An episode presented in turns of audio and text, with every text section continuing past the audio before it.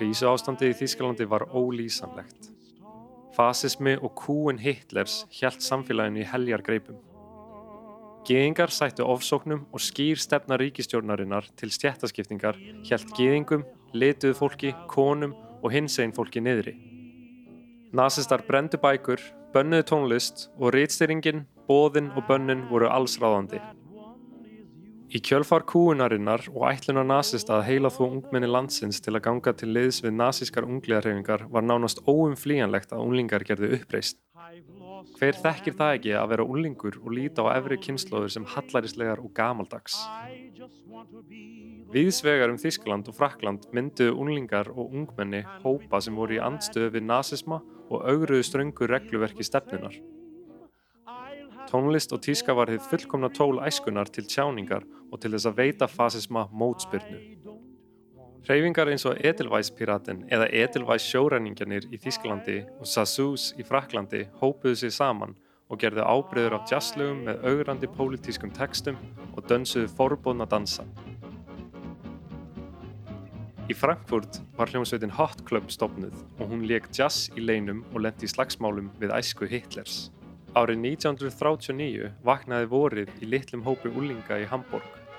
Þau hluti nafnið Swingjugend eða Swingæskan sem þróið heila menningu klæðaburðar og tungumáls og störkuðu öldungum sínum með því að spila bannaðar jazzblöður í partíum, taka upp bandarísk nöfn, dansa, að mati nazistana óviðandi dansa og heilsuðu hvert öðru með því sem þau kölluðu swinghæl.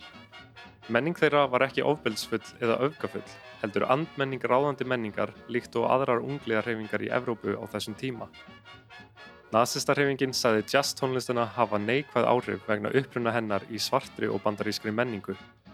Franskir uppreysnaseggir, klættir sút jakkafutum hittust á háleinilegum dansklúpum í París þar sem þau dönsuðu jitterbug og úr djúkössum og plötspilurum ómaði jazz, sveiblu og bíháp tónlist. Undir sterkum áhrifum frá bandaríkjunum byrjuðu dansklúpanir og menningin að dreifa sér um París. Sem dæmi var klúpurinn La Discothèque opnaður árið 1942 í París. Enn í dag er orðið diskotek notað yfir klúpa en orðið vísar í þennan klúp og þar sem tónlistin einungis var spiluð af plötum.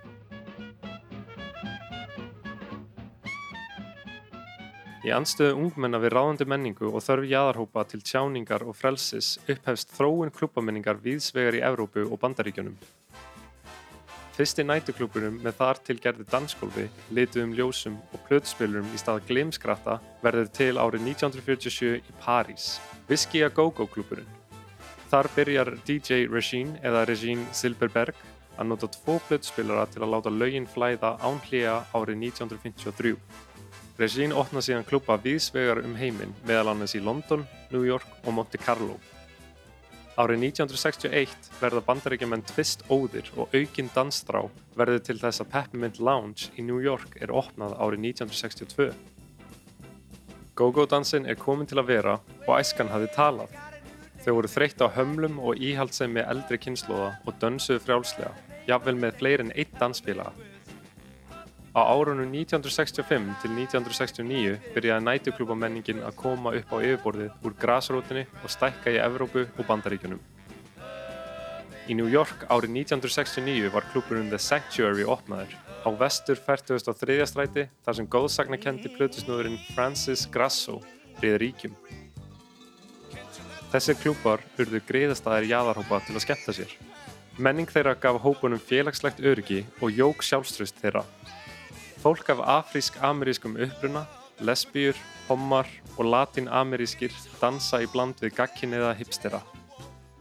Líkt og svingæskan bjóð sér til sitt eigi rými eða sinn innri heim sem gaf þeim langþráðan létti frá sprengjum, handtökum og takmörkunum í Þýsklandi á stríðstímum þá var það þrá jæðarhópa í New York og Philadelphia til öryggis og frelsis sem ólaf sér diskóið. Diskóið og klúbanir voru rými fyrir hinsegin fólk og aðra jæðarhópa sem ekki fengu aðgang að samfélaginu fyrir það eitt að vera hinsegin eða öðruvísi. Þráinn fyrir að vera þú sjálfur og að búa til rými fyrir þig verður alltaf til og kúaðar hópar munu alltaf krefist þess að eiga sinn stað í samfélaginu. Sveittur dans, upplýst danskólf, dundrandi bassi, póliester, glimmer, kynlíf, eiturlif, frjálsar ástir. Mmm, diskodruslan.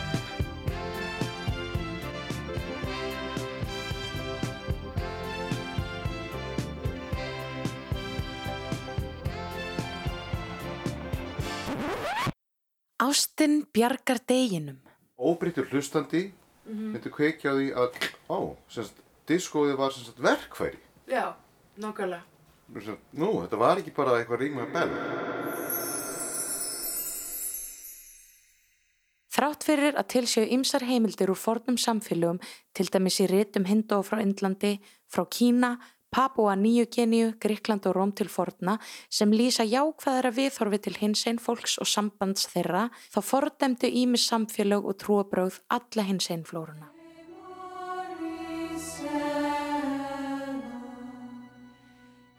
Með yðinbyltingunni, útbreðslu kristinar trúar og valdi katholsku kirkjunar urðu til lagasetningar, kynjatvíhyggja og skilgrinningar og réttaröngu sem urðu til þess að hins einn fólk varð enn jaðarsettara og sætti refsingum og ofsóknum. Með tilkomi sálfræðinar sem fræðigreinar var hins einn fólk flokkað sem geðvikt og rannsóknir gerðar á líkumum þess til að útskýra kynnegð, kendir eða tilfinningar. Hins einn fólk þurft að fela sig bregða sér í hlutverk og bæla sér til þess eins að lifa af í samfélaginu.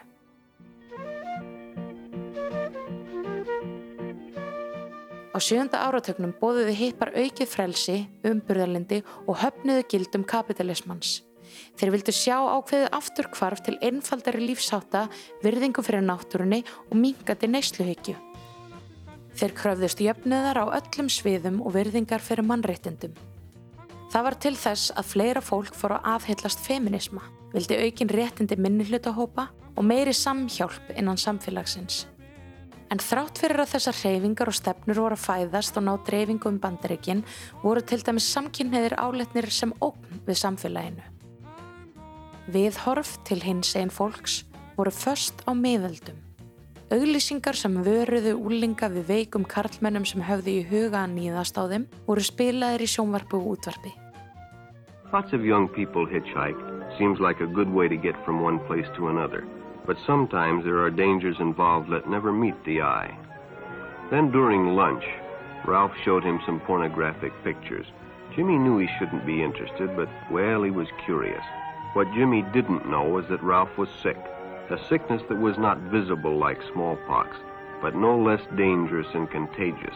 A sickness of the mind. You see, Ralph was a homosexual. Búnar voru til mýtur og sögursagnir um samkynneið sem byggðu einungis á fordumum til að halda hins einn fólki í skefjum og kúa það. Þó svo að diskóðu verði til undir áhrifum sálar, feng og gógótónlistar þá verður að miklu leiti lífstíl, tíska og tilfinning tónlistarinnar til í hins einmenningu. Til New York fluttust margir innflytjendur frá svo kalluðum þróunarlöndum eða vannþróðum ríkjum Mikil fátækt enkendi þessa hópa sem byggu í ódýru húsnaði þar sem margt var um mannin. Þeir hópar sem áttu einna erfiðast uppdráttar voru LGBTQ plus fólk. Líf þeirra var í hættu á hverjum degi og vegna réttindaleysis í samfélaginu þurfti fólkið útrás. Diskóið veitti dönsurunum verðskulda hlið frá áhyggjum og erfileikum. Tónlistin átti í upphafi að koma fólki í stuð og gekk út á það að fólk geti komið saman á klúpum til að dansa og njóta augnabliksinn saman. Dr. Íris Ellenberger kíkti til okkar í heimsókn og rétti við okkur um sögu diskósins og hins einn baráttunar. Diskotónlist er frá upphafi tengt jáðarhópum tengt þeim sem eru, já ekki bara í það settir í samfélaginu heldur líka bara þeim sem þykja öðruvísi eða eru svona hinnir gagvert svona, e, meiri hluta bandaríkjumanna, það er náttúrulega þar sem þetta byrjar allt saman.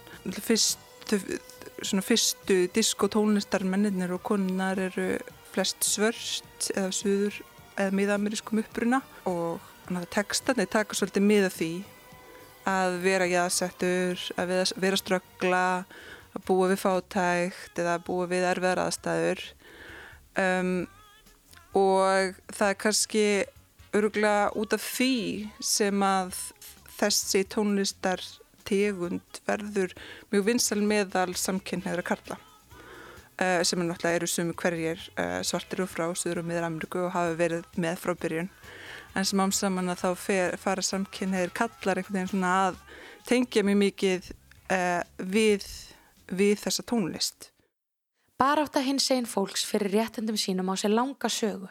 Barátta sem þessi er sjálfnast skrifið í sögubækurnar og fari lítið pláss í umfjöllunum baráttu mannréttinda.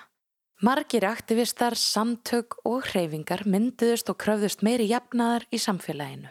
Við hvetjum hlustendur til að kynna sér Henry Gerbert sem skrifaði undir dulnafninu Parisax, The Mattachine Society, The Daughters of Bilitis og The Sisters of Perpetual Indulgence því þessi samtök eru talin vera forverar hins einn baráttunar á tímum diskósins.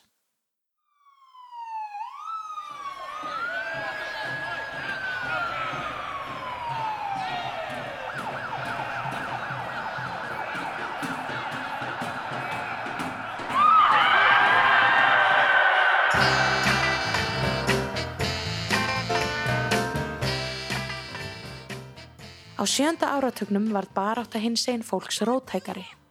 Árið 1966 í San Francisco veittist laurugluþjótt að draðdrottningu á veitingastæðnum Compton's Cafeteria og reyndi að draga hana út. Draðdrottningin let ekki bjóða sér það og skvetti kaffi framann í hann. Á sveipstundu brutust út óerðir því viðskiptavinnirnir höfðu fengið nóg. Starfsfólk veitingastæðarins gerði það að vana sínum að ringja í laurugluna til að handtaka dragdrottningar og transfólk fyrir glæpin female impersonation eða kvennstælingu. Aðgerri starfsfólksins voru ekki óalgengar. Því hefðu dragdrottningarnar og transfólkið oft þurft að dúsa í fangaklefum fyrir það eitt að ganga í fötum ætlum kvennmönnum og ekki hafa kinnferinn til að löglega meiga klæðastinn. Stuttu eftir óerðirnar neytaði veitingastæðurinn transfólki aðgengi og fólkið gerði uppreist. Fólkið sapnaðist saman daglega fyrir utan staðin, mótmælti og brutu rúður í reyðir sinni yfir því að vera útilokað frá fyrirtækinu. Þrátt fyrir þess að hörðu mótmæli transfólks fengu mótmælin enga umfjöllun í neinum fjölmjölu í San Francisco. En í dag eru óerðirnar þekktar sem fyrstu mótmæli hins einn fólks gegn ofbeldi lauruglunar.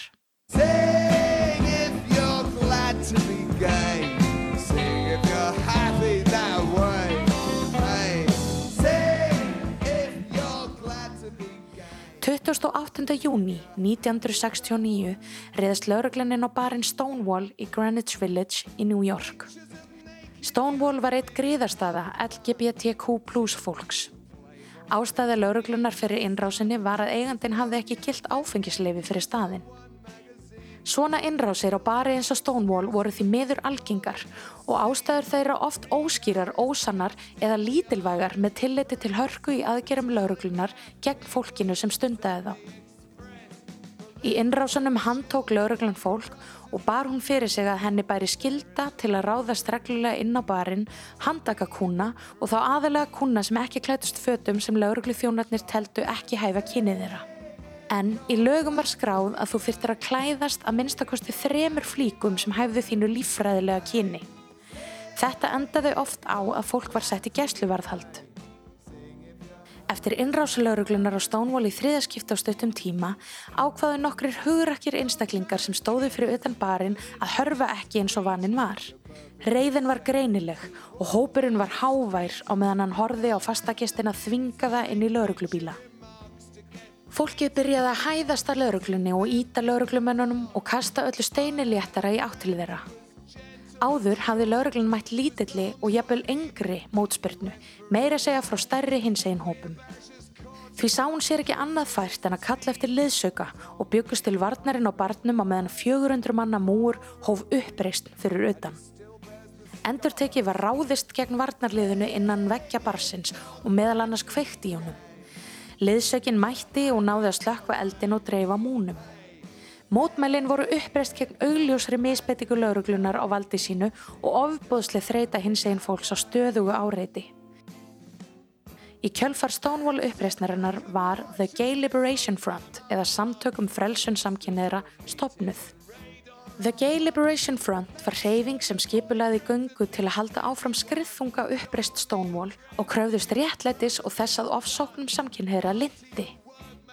GLF einskoraði sig ekki við baráttu fyrir réttendum samkynheyra, heldur fordæmdi hreyfingin kynþáttafordóma og líst yfir stuðningi við baráttu af ýmsutægi í þriðja heimsríkjum og stutti The Black Panther Party eða Svörtu partusuna. Þeir tóku yfirlýsta andstöðu gegn kapitalisma og gaggríndu hinn að hefðbundnu kjarnafjölskyldu og hefðbundin kynjahlutverk. Þessi þróun mótmæla og kröfuganga er talin vera forverar geiprætganga og upp úr áttunda áratögnum fara slíkar göngur sem fagna hins eiginleikanum að verða til.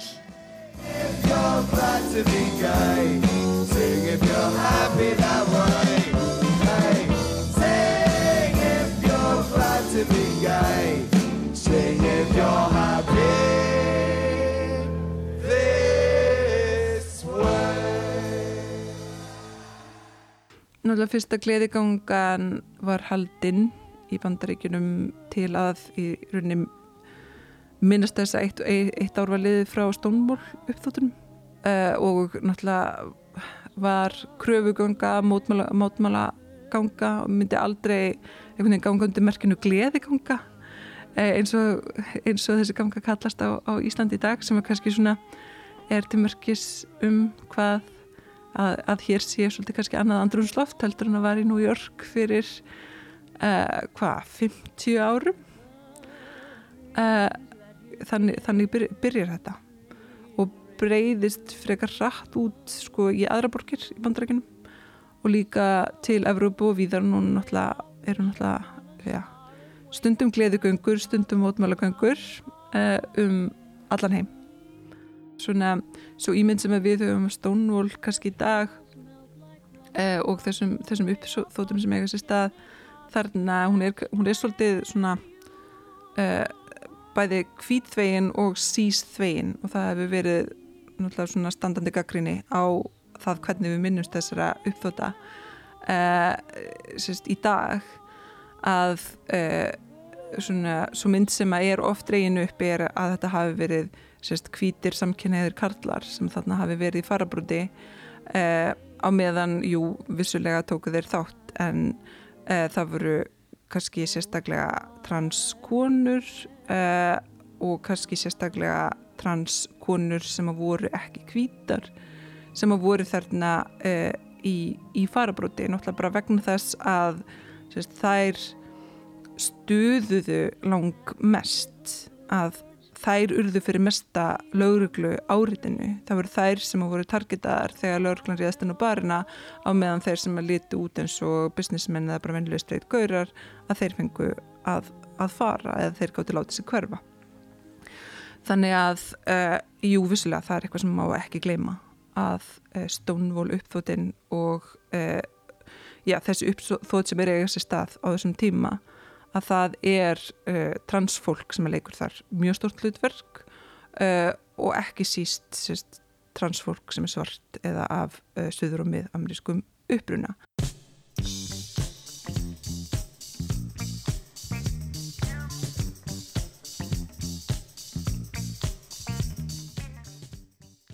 Laugadaginn 14. februar árið 1970 bauð David Mancuso í sitt fyrsta partí á heimili sínu sem hann kallaði Love Saves the Day eða Ástin bjargar deginum. David Mancuso, þá 26 ára, ólst upp á kathólsku munaðarleysingjahæli sem rekið var af sýstur Alicia en hún hjælt oft veistlur fyrir krakkana sem kveikti í löngun hans til að halda slík teiti.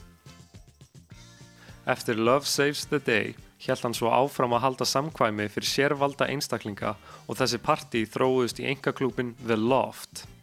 Hann, á samt fleiri plötusnúðum eins og Nicky Siano, hjálpuðu diskóseinunni að blómstra með því að spila lög sem útvarfstöðar vissu ekki af eða jafnvel neituðu að spila.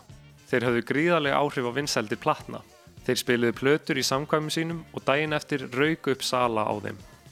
Þökk sér plötusnúðunum og klúbunum náðu þessir listamenn vinsældum. Hins egin listamenn og listamenn af ýmsum uppruna náðu inn á vinsaldalista Billboard og því mætti segja að plötusnúðanir hafi verið fórsprakkar að því að listin endurspeiklaði samfélagið í heilsinni. Þeir eru til þess að hvítir, litaðir, Latinamerískir og hinsegin einstaklingar náðu raunverulegum vinsældum. Listamenn bröðu jafnvel á það ráð að bjóða plötusnúðum á viðbröð hjá sér í vonum að plötusnúðanir myndu spila lögin þeirra á næsta klúbakvöldi. Partíum eins og hjá David Mancuso fekk samkynnegt og hinsegin fólk vendarsvæði. Þessi partí þróuðist út í disco og dansklúbamenningu. Þessir klúpar urðu áfram rými fyrir jaðarsamfélög, sérstaklega LGBTQ plus samfélagið í New York, til að tjá sig án þess að vera gerðað atlægi eða sæta hótun um ofbeldi frá rockaðdándum, almenningi eða lauruglu. Við ringdum í Maríu Rut Kristinsdóttur og Ingi Leifu Friðriksdóttur, stopnendur hins einleikans, til að ræða um þeirra reynslu. María byrjar á því að deila og Ingi Leif bæti síðan við. ég, veist, við erum báðar á þeim aldrei, við munum eftir að hafa farið í fyrstu, gleðigönguna. Það var alveg svona trillt upplifun og, og einmitt það sem að tónlistin var mjög ríkjandi og maður sá þarna, hérna, hins einn samfélagið bara svolítið, hérna, aka framhjá, þú veist, framhjá manni þar sem maður stóð bara sem lítill krakki og fylgdist með. Og það var mjög svona uh, gott held ég að vera krakki sem fe fekk þó þetta uh, þó það sé ekki nema einu svona ári að það var allavega eitthvað samtal og einhver sínileiki að, og gleði sem að verkum að, þú veist maður upplifði þetta ekki á neikvæðan hátt. En þú veist ég er alveg upp í pínulitlu sjáaþorpi vestur og fjörðum og þar var ekkert mikið um fyrirmyndir eða, eða umræður um þetta. Þannig að, að þetta var svolítið framandi, spennandi uh, virkaði svolítið svona skemmtilegt en ekkert sem var nálagt mér, ekkert sem ég gæti kannski tengt beint við, ekkert sem ég gæti letið upp til þannig í kringum mig. Og það var svolítið vandamálu og það er kannski svona ástæðin fyrir okkur um að kom svolítið setna út úr skápnum af því að það vantaði þetta svona þessa tengingu við annað fólk í nærumhverfunu. ég tek undir þetta bara og hérna, en finnst, þú veist, þegar ég var alveg upp, veist, ég, ég auðvitað, hérna, upplýði þetta sama og þess að fara í gleðigöngu og finnast það stórkurslegt og elska Pál Óskar og allt þetta, en ég samt upplýði það sjálf að það væri skammarlegt ef að ég væri sjálf hins einn. Þannig að ég lokaði bara svolítið augunum gagvart í, í rosalega langan tíma, þannig að ég var bara um tvítug og einhvern veginn gæti ekki alveg lengur loka augunum gagvart í. Ég man bara þegar ég var að byrja að fara á skemmtistæði að mér langaði alltaf þegar að kíki opnaði, mér langaði alltaf að fara á kíki, veist, og mér langaði að fara og dansa og, og vera, veist, í umhverju sem ég vissi að ég ætti heim í. Þannig að það er ótrúlega mikilvægt og hérna, fráttur ég hafi verið smeykuð að fyrst að segja vinkonum mínum að mér langaði að fara að dansa á kíki eða, þú veist, barburu, þú veist, eða hvernig þessi staðir sem að hafa verið að þá hérna, já, finnst mér ótrúlega mikilvægt og gott vegna þess að þá finnum maður að maður er ekki einn, sko.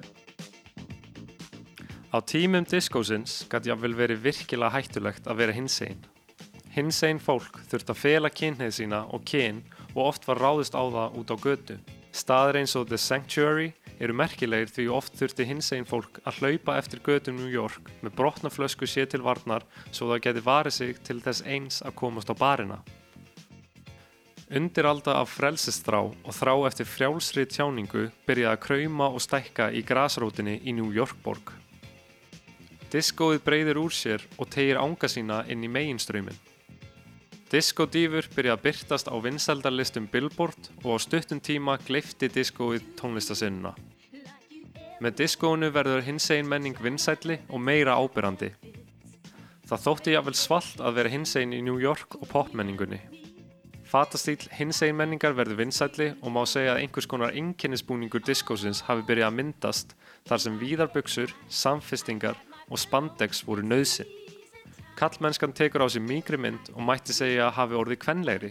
Bæði tónlistinu svo líka bara menningunni, uh, þessari dansmenningu sem henni fylgir, fylgir kannski svolítið uh, ný karlmennsku ímynd, nýjar hugmyndur um hvað það er að vera, vera karlmaður sem eru kannski svolítið, já, kvenlegri heldur en áður hafði, hafði týðkast ef svo maður segja. Kannski hérna karakterinn hans hérna, John Travolta í Saturday Night Fever er náttúrulega kannski svolítið svona, svona byrtingamind, helsta byrtingamind þessara kallmennsku ímyndar. Þetta er gagkinniður kallmaður sem að elskar að dansa og e, svona hugsa mjög mikið um, er mjög andum útlitt sitt hérna, og, og að snirta sig og að líta, líta vel út og vera svona vel svona grúmaður, svo, svo má segja. Uh, og þarna er þessi svona kallum mennsku ímynd svona við það eða eiginlega komin svona inn í, í, í megin strömmin. Það eru komin þessu hugmyndur um að mögulega sé bara allt í lagi ef að karlmenn séu svona.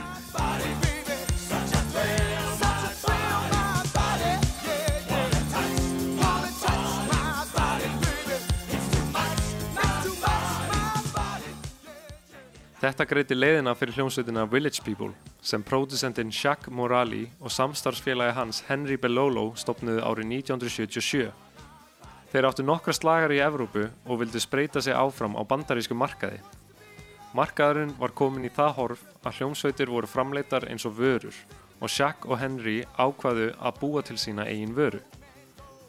Hugmyndin að hafa personunar tákna mismunandi menningahópa átti að hafa komið fram þegar Jacques hittir Felipe Rose á bar dansandi í innfætt amerískum klæðnaði. Söngvarinn og leikarin Victor Willis freystaði gæfinar og sendi inn pröfu til Jacques og fær hlutverk sem söngvari hljómsveitarinnar. Jacques segir við Victor þegar þeir hittast í fyrsta sinn að hann hafi dreymt um að þeir eru heimsfrægir eftir útgáfu plötunar. Eftir nokkrar áhengjandapröfur var Village People stopnað. Nafn Village People vísar í Greenwich Village í New York sem var á 8. áratugnum þekkt fyrir fjölda hinsegin fólks. Búningarnir vísuði ímiskunar menningu minnihlutahópa og jaðarmenningar, sér í lagi hinsegin menningar. Henry og Jacques notuðu óspart skýrskotanir í samkynneið bæði textum og fatavali.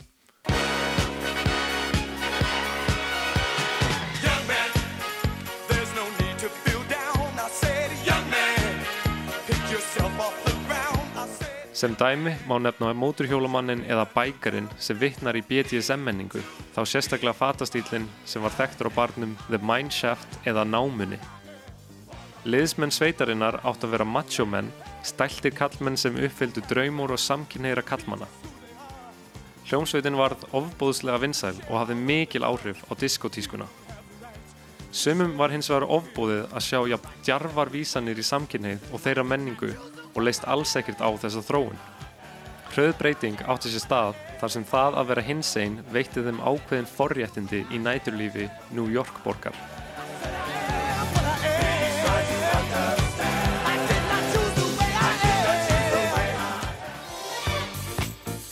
Klúbamenningi sem jaðarhópanir höfðu búið til varð eftirsóknarverð og ráðandi meiri hlutin vildi sneið af kökunni. Forréttindi hinsegin fólks í dans- og klúbamenningu sinni var til þess að öðruvísi óbeit á hinsegin fólki var til þar sem gagkinnekt hvítt fólk átti erfiðara með en áður að fá aðgang að flottustu nætuklúbunum. Studio 54 varð heitasti staðurinn. Einungis elítan mátti njóta og allir þráðu að fá inngöngu. Hljómsveitin Chic var ein af þeim en þau urðu ekki þess heiðurs aðnjótandi að fá að skemmta sér á Studio 54. Í reyðisinni fara þau í partí og nota tónlistina til að fá útrás og söndu lægið Le Freak sem var ádeila á útilokunarstefnu Studio 54.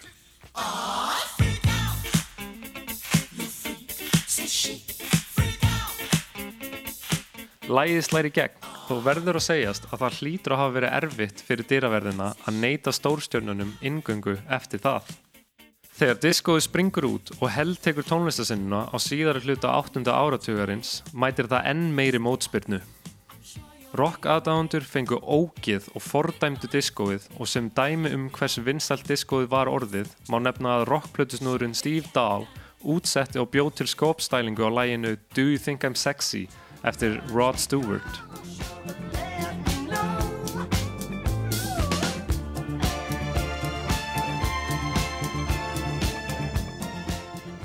Dahl var yfirlýstur óvinnu diskosins og skipulengjandi viðburðarins Disco Demolition Night eða Gjör Eyðingakvölds diskosins.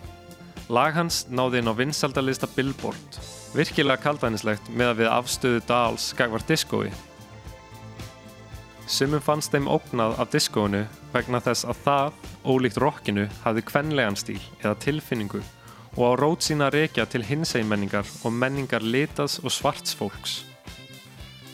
Diskóið hafði náð að tróða sér inn á menningavettvang sem áður hafði verið stýrt af rocki og róli. Andstæðingar réðust gegn diskóinu fyrir að hernema rýmið sem valdhafanir, rockaðdáðundur og tónlistamenn töldu sig eiga rétt á. Gaggrínin sem diskotónlist varð fyrir endur speklar stærri kerfisöfl en bara tónlistamarkaðin eða menninguna. Tortíming þess er talin hafa verið yfirlýsing gegn minnihlutahópum sem sættu homofóbíu og kynþáttafórdómum. Vegna mótspyrnu og andstöðu ráðandi menningarinnar hverfur hins einn menningin aftur í skuggan. Diskokongurinn Páll Óskar bauð okkur í kaffi og við áttum gott spjall um mikilvægi diskósins. Við hérna einhverjir söðsvartur almögin á Íslandi hafði ekki hugmynd um að disco var eitthvað baráttutæki minnutópa í bandaríkjónum, bla, þegar það kemur hingað.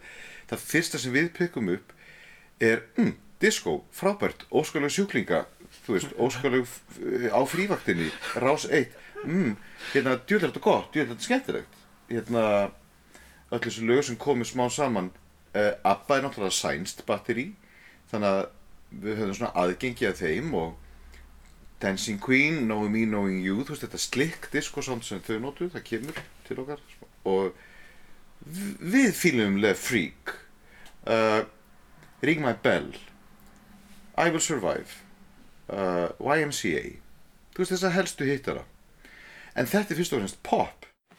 Það sem ég uppgötta síðan, uh, nokkur síðar, er að músik og listir, bíómyndir, bækur, tónlist eru samtal og um leið og músik kemst í eitthvað almannarými Þú veist, um leið og ég á eitthvað diskohittara sem er bara númer og uno á öllum vinstæðalistum og heyrist í útafrinu 20 sinum á dag að þá á ég í samtali við fólk sem ég kannski næ ekki til undir öðru kringustæðum þannig að þarna kemur bara bersinlega ljós að diskóið er þarna og ég hef notað diskó sem verkfæri í ákveðinni mannréttinda baráttu sem ég stend í. Sama þótt samtök og reyfingar hafi sprottið upp viðsvegarum bandaríkin þá mætti ungt hinsegin fólk litlum skilningi og umburðarlindi á þessum árum. Fjölda fólks hafi verið hafnað af fjölskyldum sínum og samfélaginu og hent út af heimilum sínum fyrir að vera trans, klæðast fötum sem voru ekki hefðbundin fyrir þau og hreinlega fyrir að vera hinsegin. Líkt og allar manneskjur þráði þetta unga fólk að tilheyra og fá stuðning. A house is like a gang or a clique, a group of people. But basically, a house is like a family unit. You have your mother, your father, the children, a princess. If you're in a house, you have to have a name for your house. There's different names. Some of them are taken from fashion houses, like the House of St. Laurent, or sometimes you make up your own name. Um, there's the House of Dupree, that's one of the longest running. The House of Adonis, LaBeija, Candaris. Úrverður hás- og ballroom sem hefur verið við líði í 30 til 40 ár. Menningin verður til í dragsenunni í Harlem í byrjun 8. áratugurins. Því jaðarhópar og úthýst fólk fór að finna hvort annað úti á götum New York borgar. Þau mynduðu samfélög, bundist böndum sem voru keimlík fjölskylduböndum og unnu saman að því að finna sér húsnæði og vera bakland fyrir hvert annað, eitthvað sem fjölskylda þeirra hefði átt að vera.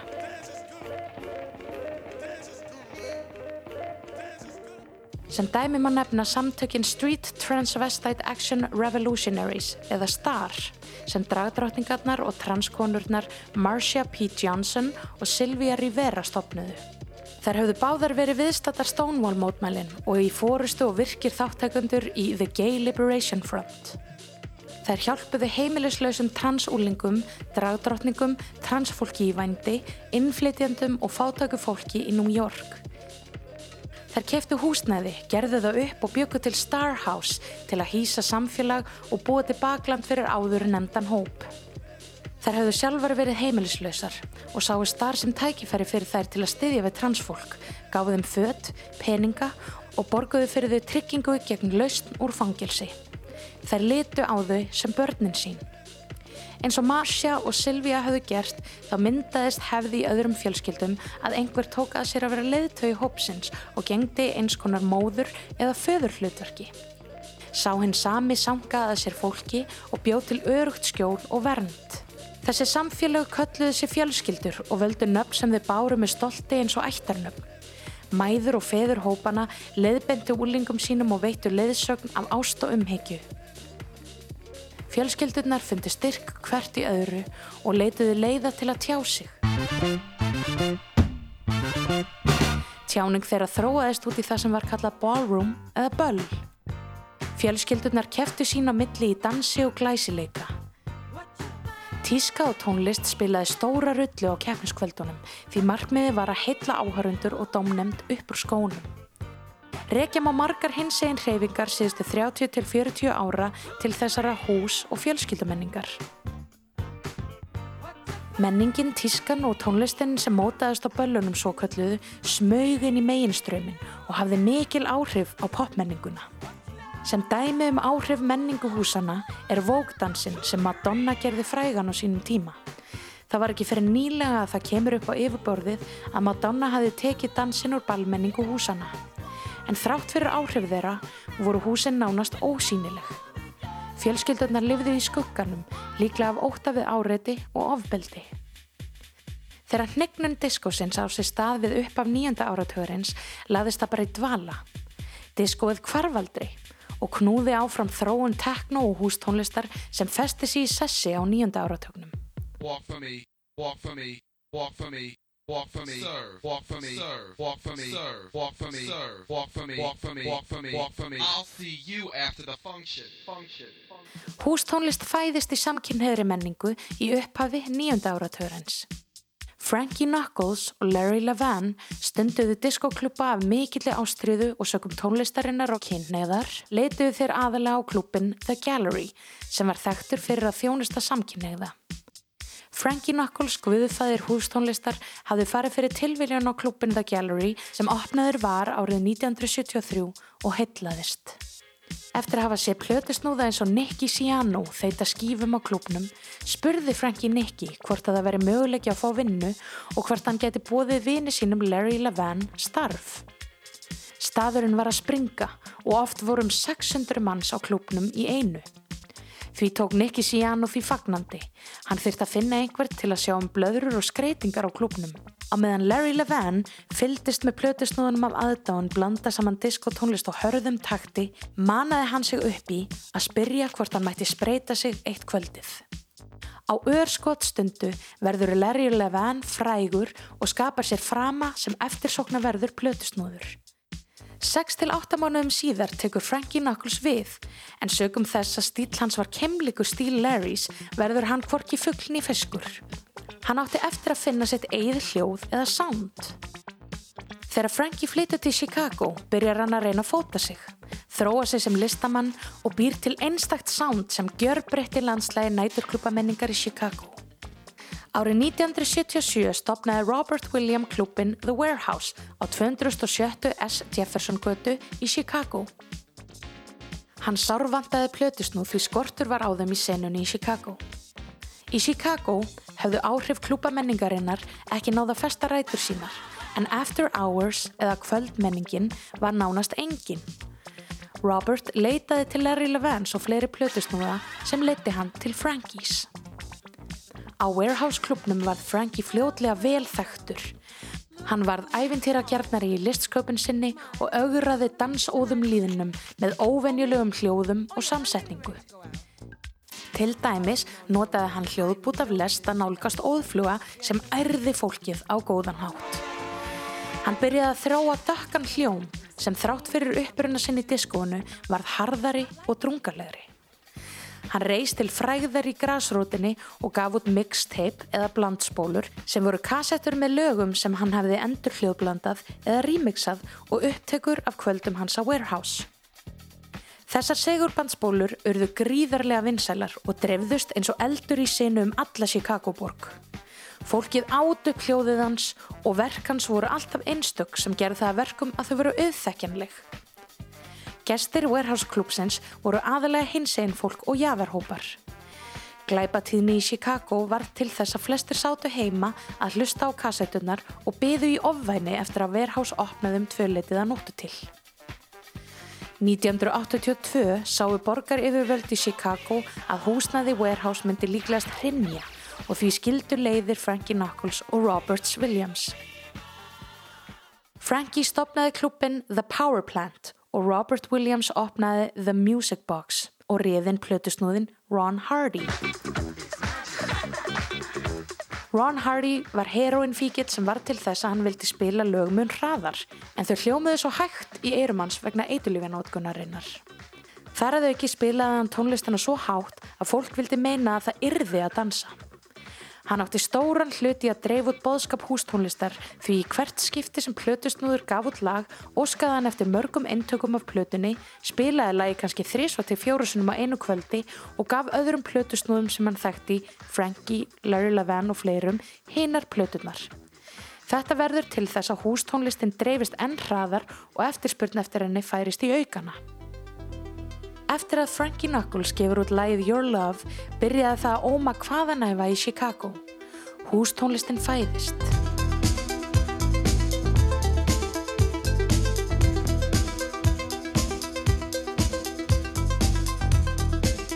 Jesse Saunders drekkur í sig þekkingu annara plötusnúða og byrjar að blanda saman lögum. Hann bjóti lag þar sem hann blandaði saman Bad Girl með Donna Summer, Lips Inc. Funky Town trommutaktinum og hljómgerfla hljóðinu úr Player One Space Invader. Hann bjóð til pröfu útgáfa af lægina á plötu og ætlaði sér að spila á klúpi, en svo var hann rændur af öllum plötunum sínum. Neiðin kennir þó plötusnúðum að spinna, svo hann hitti vinsinn og samstarfsfélaga Vince Lawrence og þeir settust niður með Roland TR-808 trommuhermi, Korg Poli 61 og Roland TB 303 hljóðgerfla og úr varða lægið On and On sem átti eftir að breyta senunni. Þegar þeir voru búin að taka upp þurftu þeir að finna eitthvað til að framleiða plöturnar. Fjárhagstaða þeirra var ekki góð og því þurftu þeir að vera frumlegir. Þeir leituðu upp í Larry Sherman sem átti plötupressuverksmiðju og báðu hann að pressa eins margar plötur og þeir höfðu efni á og fóru síðan með þær út í búð. Platan seldist ágætlega en þegar hún kom út áttuðu aðri plötusnúður sér fljótt á að þeir getu gert tónlist líka í stað þess að vera einugis að spila í samkvæmum og veislum. Þeir byrjuði að reyna að gefa út plötur. Larry Sherman áttaði sig á þessu og stopnaði plötufyrirtækið Trax Records. Eitt af lögunum sem kom út frá Trax Records var Move Your Body með Marshall Jefferson.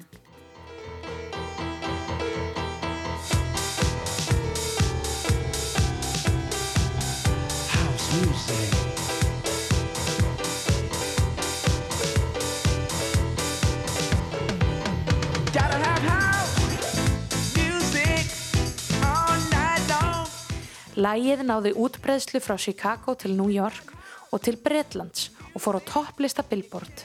Marshall Jefferson vissi ekki af einn vinsaldum fyrir en að tímaritt frá Bretlandi bað hann að koma í viðtal. Áður en að hústónlistin bröst út í meginströmin hönnuðu Larry Levan og Richard Long klúb sem opnaður var árið 1978. Klúburinn hétt Paradise Garage. Hann var risastór og aðeins opinn um helgar. Klúburinn seldi hvorki áfengi nýja mat svo hann geti verið opinn langt fram á morgun. Plötusnúður hústónlistarinnar höfðu sömu völd og plötusnúður diskósins sem jöku vinsaldir platna með enga útarspilun sem gerði það að verkum að óþægtir listamenn komust í sviðsljósið um stund. Larry Levan fekk til sín húsplötur vegna tengslanett síns og byrjaði að spila hústónlist eins og Marshall Jeffersons Move Your Body í New York. Ballmenning dragdrottningana og hins einn fólksins kemur upp á yfirborðið eftir að vókdansinn sást á dansgólfi Paradise Garage Clubsins. Paradís, apari, seint um kvöld Fólk á ferð og ljósa merðin þúsund föld Kanski er disco ekki notað sem verkfæri hérna á Íslandi fyrir en ég mæti á svæðið. Vegna þess að áður en ég mæti á svæðið voru bara búin að vera þú og ég, Gunni Þórðar. Og Gunni er ekkert að nota sem eitthvað verkfæri, þú veist. Og ekki heldur Helga Möller eða Jói Helga. Þau voru bara að gera gott pop. Um, ég held að íslenska soundið sé, he- heiti bara einfallega Þetta reddast og Fíbldyrska.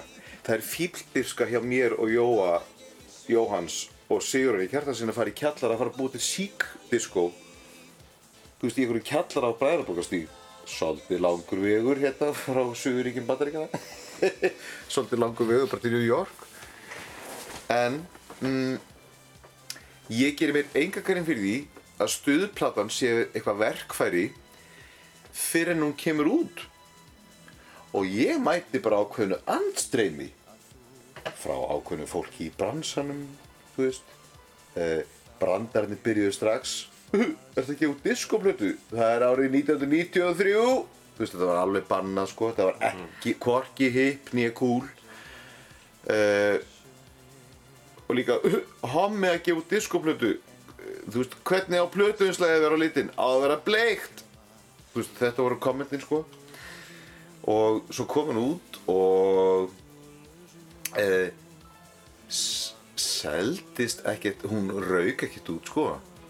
Allan ekki strax. Uh, það var ekkert verið að tróðinni fremst í hillunar á plötubúðunum og, hérna, og, ég, ég fann ég þurfti að hafa svolítið fyrir því þú veist að tróða mér inn á frekjunni. Það sem gerist er að getur hvað litlu krakkarnir og unlingarnir þau kveiktu.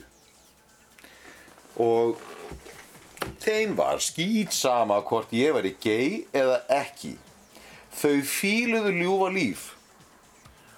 Og brandarinn sá er að ljúfa líf er al íslensk diskólag sem ég er að kóvera frá þú og ég uh, með teknósandi sem þá var ógeðslega heitt. Þetta var Two Unlimited sandið þannig að ljúfa líf útgáfan mín er í rauninni Two Unlimited útgáfa af al íslensku diskólagi með þú og ég. Samblanda diskósins, hústónlistar, dansmenningar og tísku hins einn flórunar býr til glænýja stemmingu og klúbarnir tráðfullast af ungu fólki fyrst í að drekka hana í sig. Það myndast keimlíkt ástand og í upphafi diskósins þar sem kyn, kynneigð, litarháttur og upprunni skipti ekki máli. Tónlistin drekti fordómum í allsherjar hljóðvímu og fólk mættist á dansskólunni sem jafningjar. Hústónlist snerist um dansinn, nöytt og upplifin líkt á diskotónlist. Ekki leið á löngu þar til hústónlist kemst alveg inn í meginströmmin og markasöflin fara að búa til stjættaskiptingu innan hennar. Í umfjöllunum hústónlistina var lítið sem ekkert fjallað um upprunnanar. Færri litaðir og hins einn listamenn fá skerf af kökunni og peningavélinn fyrir að mala gull með hvítum gagkinnheðum eftirhermum sem spila á í bísa fyrir hvíta sólstrandargæja. Í dag hefur baróta hinsegin fólks náð langt. Sýnileiki hinsegin menningar og fólks í popmenningunni hefur sjaldan eða aldrei verið meiri. Til dæmis er dragkeppni RuPaul með vinsælistu raunveruleika þáttum á Netflix. RuPaul blandar saman ballmenningu dragsennunar úr Harlem með klísjukendum ramma raunveruleikasjónvarpsins og býr til dásamlegt drama fyrir digga aðdáðundur.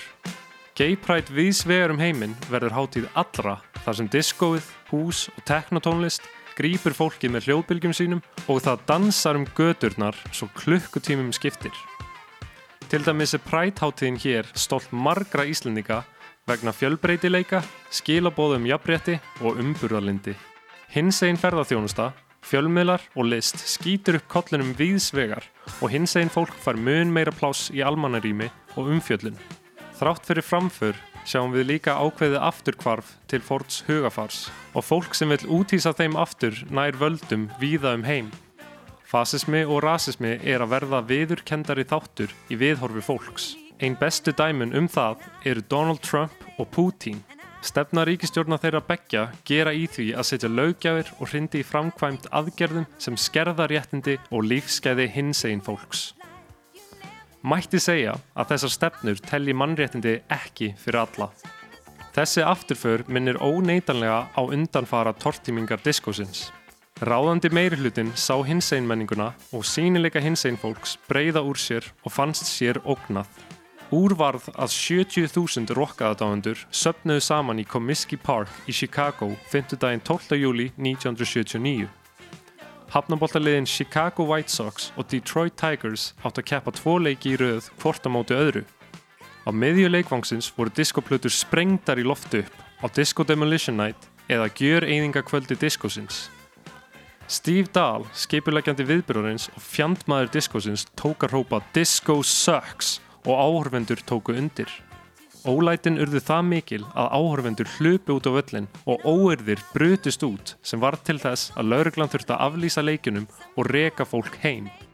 Þann 13. júni 2019, tæpum 40 árum eftir gjöriðingakvöld diskosins, auglýsti hafnaboltaliði Chicago White Sox að gefins yrðu 10.000 stuttermabólir og að Steve Dahl myndi mæta svæðið og kasta til minningar um kvöldið þar sem hann sapnaði saman bandamönnum sínum í hatri á diskói. Vegna þess að viðburðurinn átti rætur í fordómum fyrir litið og hinsegin fólki var liðið harðlega gaggringt. Þrátt fyrir að sömum gagkinuðum cis einstaklingum líða eins og framför hinsegin samfélagsins sé á góðri leið og langt komin er mikilvægt að muna að baróttan er búin að standa yfir í mörg hundru ár og er enn. Það er stutt síðan það var ólöglegt að klæða sig í föt sem ekki þóttu hæfa kyniðínu að samkynniðum var bannað að hittast ofinberlega og baráttumál transfólks eru enn þann dag í dag háð á hverjum degi. Það er mikilvægt að vera bandamaður, að sína stuðning og að muna eftir réttindabaráttu hina ímissu hópa sem eru enn í gangi. Það er mikilvægt að vera á varðbergi varandi hvað er átt við með Disco Sucks. Er það spurning um tónlistasmekk eða jafnvel fordómar gegn hinsegin menningu og minni hlutahópum? Hvað verður sprengt í loft upp næst? Erum við tilbúin að setja hjá og horfa á menningu heils þjóðfélagshóps sapna saman og sprengta í loftu meðan ráðandi meirhluti heltekur og eignar sér almannarímið aftur?